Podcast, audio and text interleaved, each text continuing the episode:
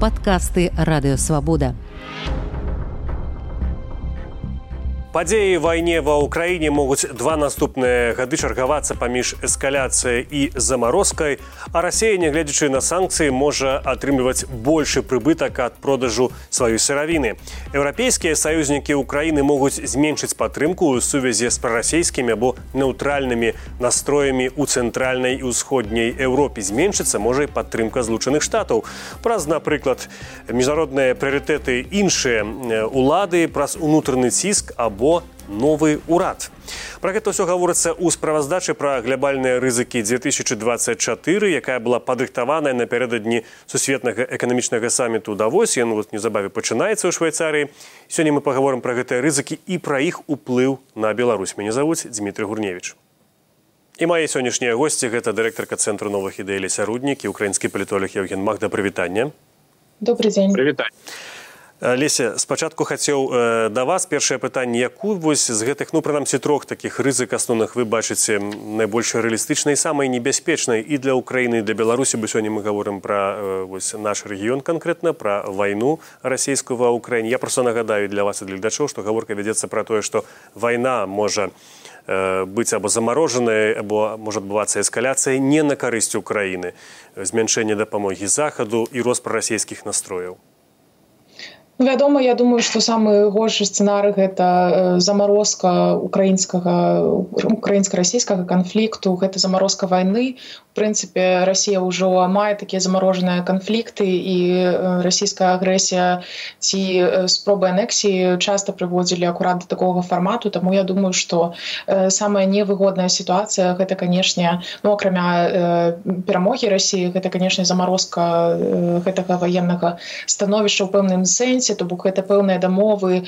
якія можа быць будуць перадугледжваць эскалацыю але у тым же самым сэнсе будзе працягвацца кантраляваныя баявыя дзеянні ці дзеянні ў пэўных тэрыторыях. Гэта ўсё можа прывесці да такога невыгоднага становішча бо яно за сабой цягне і у тым ліку зніжэння падтрымкі зніжэння фінансавай і узбраення таксама для украінскага боку. Таму вядома гэта самы такі неудалы сцэнар і для Украіны і для Беларусі таксама. Таму што ў гэтым выпадку Беларусь апынаецца скажем у такім незразумелым становішчы і незразумела ці Беларусь будзе далучацца да новых нейкіх расійскіх агрэсій спробаў агрэсіі у бок Украіны ці Беларусь будзе захоўвацца ў такім незразумелым стане. То бок ні развіццё ні крызіс Евген вось тое пра што гаворыцца ў гэтым у гэтай справаздачы пра глябальныя рызыкі ў прынцыпе яно не новае таму што ўжо некаторы час ну як мінімум некалькі месяцаў або паўгода ёсць такі пэўны тренд у сусветных сМ гаварыць пра нейкія паразы ўкраіны пра тое што і не ўдаецца контрнаступ што зараз рассея перамае ініцыятывы што ўкраіне давядзецца садзіцца стол перамоваў. Як з украінскага боку выглядае зараз сітуацыя на фронте што вы можете расказаць нашай аўдыторыі На жаль, ми стали жертвою завищених очікувань про український контрнаступ у першій половині 23-го року говорили дуже багато, і склалося враження, що це буде легка прогулянка. Але я думаю, що воно склалося у всіх, крім власне українських військових, тому що вони бачили, якими є потужними укріплення. Якщо ми згадаємо, що 6 червня росіяни підірвали дамбу. Каховської ГЕС, фактично не лише вчинивши екологічну катастрофу, але фактично ну, здійснивши ядерний удар без застосування ядерної зброї по площі шкоди, яку вони завдали, то ми розуміємо, що росіяни готувалися до більш активних дій України. Сказати, що Україна зазнала якихось невдач, ну можливо вона не зуміла реалізувати ті очікування, які були. Так, в цьому сенсі є, є цей фактор, але є інший фактор, що Захід не поставив зброю в такій кількості, як він обіцяв. І з мільйона снарядів, які обіцяв Європейський Союз у березні Сакавіку 23-го року поставити за рік, Україна отримала тільки 300 тисяч. Тобто Європа не готова до війни. А Сполучені Штати, які мають найпотужніший арсенал, який є арсеналом демократії в світі, вони просто не готові постачати Україні так багато зброї. Росія ж часто використовує радянські запаси, купує шахеди у Ірану, купує боєприпаси, обмінює боєприпаси у Північної Кореї. Тому я скажу так, що в Україні немає закликів до того, щоб сісти за стіл переговорів з Росією, тому що Росія здійснює воєнні злочини на українській землі щодня, а то і по кілька разів на день. І в цій ситуації політик, який закличе до переговорів з Росією, він просто підпише собі смертний вирок. Мы паговорым пра такіх палітыкаў. Леся скажыце ласка вы ўжо пачалі гаварыць пра гэта пра ўплыў на Беларусь вось гэта сітуацыя якая можа апынуцца ў сувязі з меншай дапамогай. Як гэта вы бачыце наўпрост можа паплываць на ну на лукашэнку? Ён гаспадар лёсу зараз у беларусі на на беларускую палітыку ў прынцыпе. Таму што калі паглядзець звонку на тое што адбываецца ў беларусі на афіцыйныя навіны на прапаганду там сеюць хлеб збіраюць бульбу праводзяць ранішнікі ў школах. Нічога не адбываецца. Вайна дзе-то далёка там Ну і сапраўды гэта адна з адно з наступстваў якое варта чакаць ад любых любога развіцця ў прынцыпе падзею чым дажэй ідзе вайна тым больш яна становіцца паўсядзённасцю для людзей якія жывуць на тэрыторыі беларусі. Тым больш расце прага да таго каб дыстанцыявацца ад гэтых падзеяў ад гэтых навінаў. Мы бачым агульную стомленасць людзей ад навінаў небяспеку карыстання незалежнымі інфармацыйнымі ресурсамі. А тут яшчэ і дадае здаецца пэўная рызыка якая звязаная з развагамі ці выкарыстаннем прачытаннем інфармацыі пра вайну і тым больш выказваннем свайго меркавання ў падтрымку Украіны. Таму вось такія сферы як напрыклад бізнес ці адукацыя яны становяцца паўсядзённымі ў сэнсе з сувязямі з рассіі тому што шмат беларусаў выбудоўваюць свае бізнес-стасункі едуць атрымліваць адукацыю ў Росію і гэта тыя рэчы пра якія мы вот падчас эксперт экспертных аналітычных размоваў. Мала думаем але насамрэч гэта вялікая засцярога про якую трэба разважаць і думаць што з гэтым рабіць тому что пакуль на фоне адбываецца вайна вельмі шмат беларусаў паціху паўсядзённым жыцці набліжаюцца да расійскага кантэксту у сэнсе эканамічным у сэнсе адукацыі выбудоўвацца новыя сувязі і гэта канешне будзе ўплываць у тым ліку на пэўнае палітычнае меркаванне. Другая рэч звязаная з інфармацыйнай э, павесткай то бок з ростам прарасійскіх наратываў у беларускіх дзяржаўных медыа таких вось ідэалагічных наратываў якія раней сустракаліся не так часта. Вядома што расце колькасць людзей якія становяцца ахвярамі гэтых наратываў. І канчатковым эфектам тут будзе яшчэ большая палярызацыя беларускага грамадства.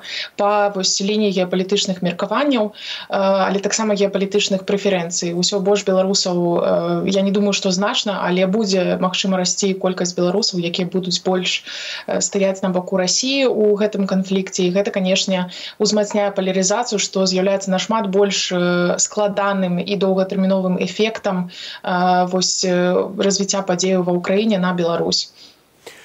Евген, а ці ёсць змена вось такой сацыялогіі заўважная ва ўкраіне ў адносінах напрыклад да прэзідэнта зеленска да ягонай палітыкі вы згадалі пра тое што той палітык які прапануе такія перамовы з рассіі ён гэта будзе для яго канец але зараз шмат гаворыцца пра тое што давер да владимира зеленскага нібыта падае. Наколькі гэта наколькі праўда ў гэтых словах увогуле? Бо ён такога не прапановвае каб садзіцца і дамаўляцца.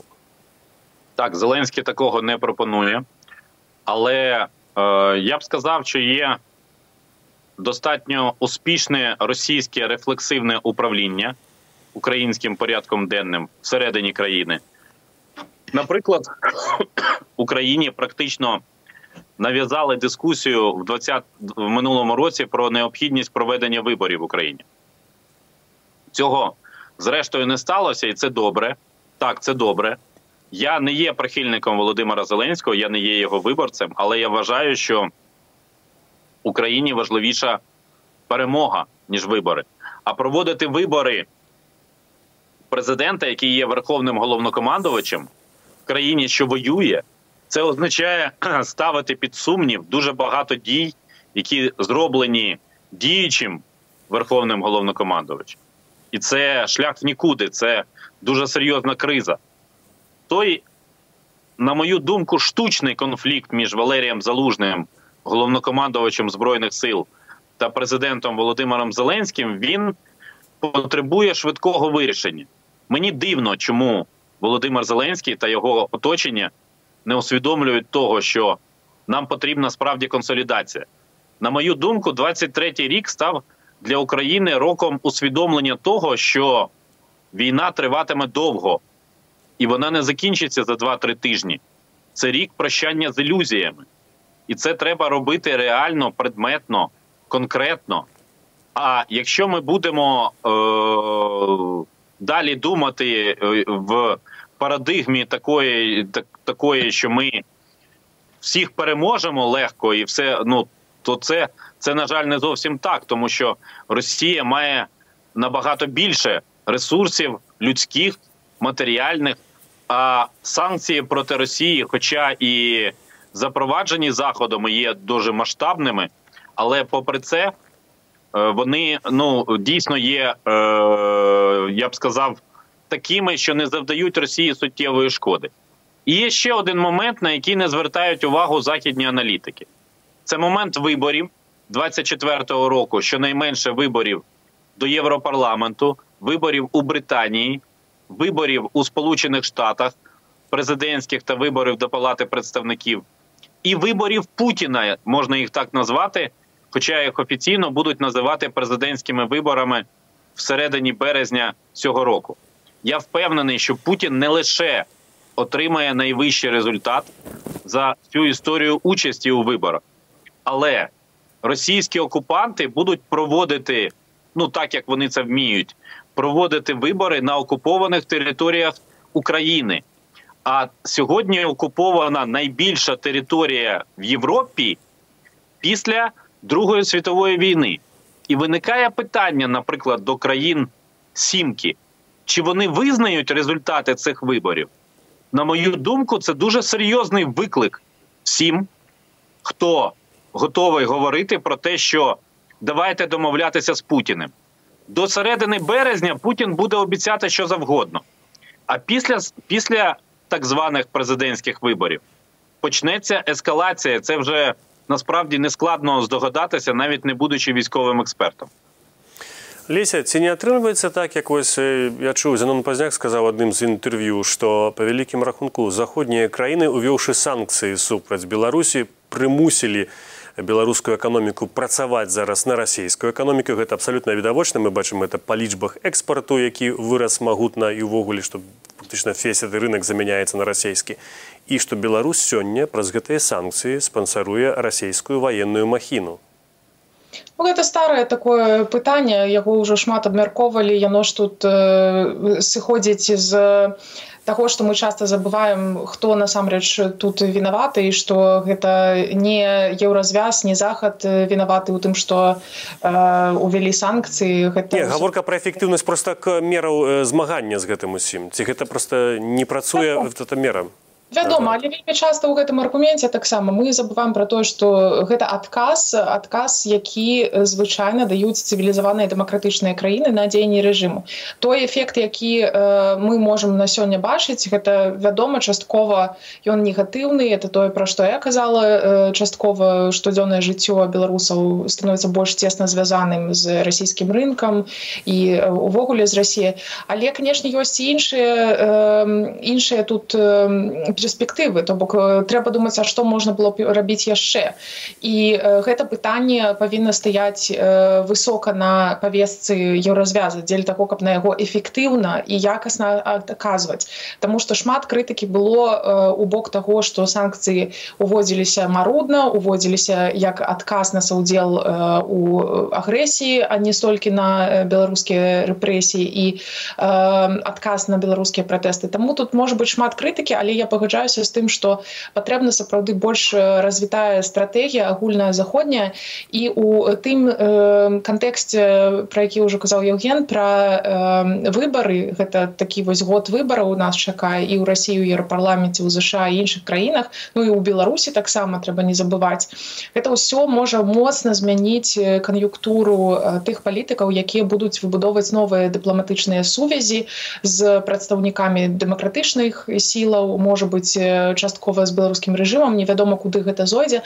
Але кан'юнктура зменіцца Мачыма зменіцца нейкія падыходы. Можа быть будуць новыя спробы уплываць на сітуацыю ўнутры беларусі праз нейкія больш эфектыўныя механізмы але працэс ужо запущены э, працэс э, палярызацыі працэс э, паглынання культурнага беларускага грамадства расійскай культуры напрыклад ці часткова расійскай эканомікай энергетычнай сферы гэта ўсё канешне будзе цяжка вельмі вяртаць. Але варта не забываць што вось гэта агульная стратэгія якасная стратэгія павінна быць выпрацавана. І зараз гэта такое в акно магчымасцяў. З аднаго боку так еўрапейскі еўрапейскія палітыкі палітыкі ў ЗША занятыя сваімі выбарамі але не варта забываць што гэта адна з магчымасцяў дзеля таго каб уплываць на э, агенду на стратэгію па выбудове стасункаў з беларусю. Яўген ці не баяцца украінцы ўвогуле амерыканскіх выбараў якія пра выбары рэспубліканскія пачынаюцца роўна праз 5 дзён ужо? І па ўсім бачна што дональд трамп там лідырэ і ён хутчэй э, палітык той часткі рэспубліканскай партыі якая не хоча спансараваць украіну э, спансараваць э, вайну як яны кажуць наступная заемнікі хейлі которая падтрымлівае украіну мае ну пакуль што мізэрныя шансы ну прынамсі там у адным яна мае штаце маніку магчымасць з ім на роўных выйсці ви знаєте зміцер питання в тому що є певна інерція мислення є певна інерція відносин Трампа і Зеленського, і тому е, має бути певна тривога. Ну тому що ви пам'ятаєте, що телефонна розмова свого часу Зеленського і Трампа стала одним з каталізаторів процесу імпічмента Трампу. Але я на це дивлюсь трохи інакше. Я розумію, що за правилами, коли є два сильних кандидати на президентську посаду, вони просто зобов'язані робити заяви, які виключають один одного. Тобто, якщо Байден говорить, що це біле, Трамп буде говорити, що це чорне. Республіканці історично завжди були яструбами. І, наприклад, цього е, даруйте 23-го року військово-промисловий комплекс, який є одним з головних спонсорів республіканців в Штатах, отримав на замовленнях з, е, для України понад 25 мільярдів доларів. Я не бачу, чому він має відмовитись від таких грошей. Я не бачу, чому Трамп, навіть ставши президентом, відмовиться від України як подразника для Росії. Тобто, в будь-якому випадку ці зміни, якщо відбудуться, то вони відбудуться тільки за рік. І нам треба протягом 2024 року отримати максимальний обсяг американської фінансової допомоги. З цим дійсно є на сьогоднішній момент проблеми. І треба сформувати меседж, що Україна є вістрям у боротьбі добра і зла. Тобто меседж, який буде зрозумілий західним політикам і їхнім виборцям. Це, на мою думку, головне зовнішньополітичне завдання України на сьогодні. Леся, а на вашу думку, який сценар подій в Україні для Лукашенки сьогодні саме невигідний? Цяжка сказаць. Я думаю что э, заморозка про якую я казала даволі нармальная сітуацыя для лукашэнкі. Ён звык жыць ва умовах калі э, такія адбывацца незразумелыя спробы балансавання паміж адным і іншым бокам. Э, то бок заморозка для яго была пакурат выгоднай. Ну вядома что перамога Украіны стварае найбольш перашкодаў для устойлівасці рэжыма лукашэнкі. І гэта адпаведна звязана з тымі публічнымі заявамі з боку палка каліновска якія мы можемм расцэньваць як нереалістычныя яны самі про это казалі. Аднак гэта ўсё роўна даволі я думаю сур'ёзна ўспрымаецца ўнутры беларускага рэжыма тому что любая военная пагроза любая загроза фізічнай расправы рэжыму лукашенко яна можа гучаць даволі скажем так агрэсіўна ўспрымацца даволі агрэсіўна. Тому я думаю что лукашенко менш за ўсё канешне будзе адчуваць сябе ў стабільным стане. При гэтым не варта забываць сказаць что э, тезіс які таксама даволі ўжо стары про то что э, калі Украіна перамагае ў вайне гэта ўсё яшчэ не значыць тое што у беларусі паправіцца сітуацыя палепшыцца аўтаматычна шансы дэмакратычных сілаў захапіць уладу і гэтак далей то бок тут не варта праводзіць пазітыўныя паралелі для дэмакратычных сілаў але дакладна варта сказаць што это самы негатыўны сцэнар для рэжыма лукашэнкі спадар Евгена на вашу думку увогуле на гэты все працэсы пра якія мы гаворым неяк беларуская пазіцыя можа ўплываць ці пакуль што іх роля хутчэй назіральніка ў сувязі з тым што надзейнічае за мяжы па сутнасці так е- демократичні сили білорусі вони не люблять коли їх називають опозицією вони діють за меж держави і ви знаєте я б сказав так що 24-й рік для них має стати роком демонстрації власної ефективності, тобто підвищення якості координаційної ради проти парламенту. Він ще прото-прото-прото парламент, будемо говорити відверто. Але тут треба здійснити це можна покращити лише через процес виборів. Іншого способу поки що в цивілізованому світі не придумали. Точно так само і об'єднаний перехідний кабінет має дати відповідь е, десяткам тисяч білорусів, які перебувають за межами держави. А що він робить предметно для них? Що він робить для пані Лесі, для вас? Які ну в чому в чому в чому його активність? Це ж виконавча влада, вона має щось виконувати, вона має щось здійснювати. Ну і ще е, мої поради базуються на українському політичному досвіді. Я фанат, якщо хочете, трансляції українського політичного досвіду на Білорусь. Ще один момент: доки білоруські демократичні сили будуть відновлювати в своїх діях модель суперпрезидентської республіки. Їм буде складно конкурувати з Лукашенком, тому що на на такому полі він їх буде завжди перегравати. Ну і звичайно, їм доведеться шукати підходи для діалогу з Україною, але я не прогнозую швидку зустріч Світлани Тихановської з Володимиром Зеленським. Проте мені відомо, що очікуються певні позитивні зрушення з українського боку, уставлені до білоруських демократичних сил. Леся не магу не беларусы это пытанне таксама не здаць уже апошняе пытанне на вашу думку якая тут роля можа быть дэмакратычных сілаў беларусі не апазіцыі так назовем гэта гэтым разам і як яны могуць даказаць гэтую эфектыўнасць пра якую казаў Евген Я не думаю что сёння эфектыўнасць дэмакратычных сілаў можа вымірацца праз ацэнку таго які ўплыў дэмакратычныя сілы маюць на беларускае грамадства ўнутры. Тут не трэба быць наіўнымі трэба разумець што патрэбны фізічны доступ да краіны да людзей свабодны доступ да інфармацыі да каналаў камунікацыі. Гэта на жаль сёння немагчыма рэалізоўваць у патрэбным маштабе дзеля таго каб размаўляць пра эфектыўнасць легітымнасць для людзей унутры краіны. Але пры гэтым гэтым важна сказаць что э, датычна того что мы абмяркоўвалі раней выборы ў розных краінаў краінах э, з'яўлення э, новых людзей на тых же самых пасадах патрабуе пэўнай увагі дэмакратычных сілаў да гэтых новых людзей.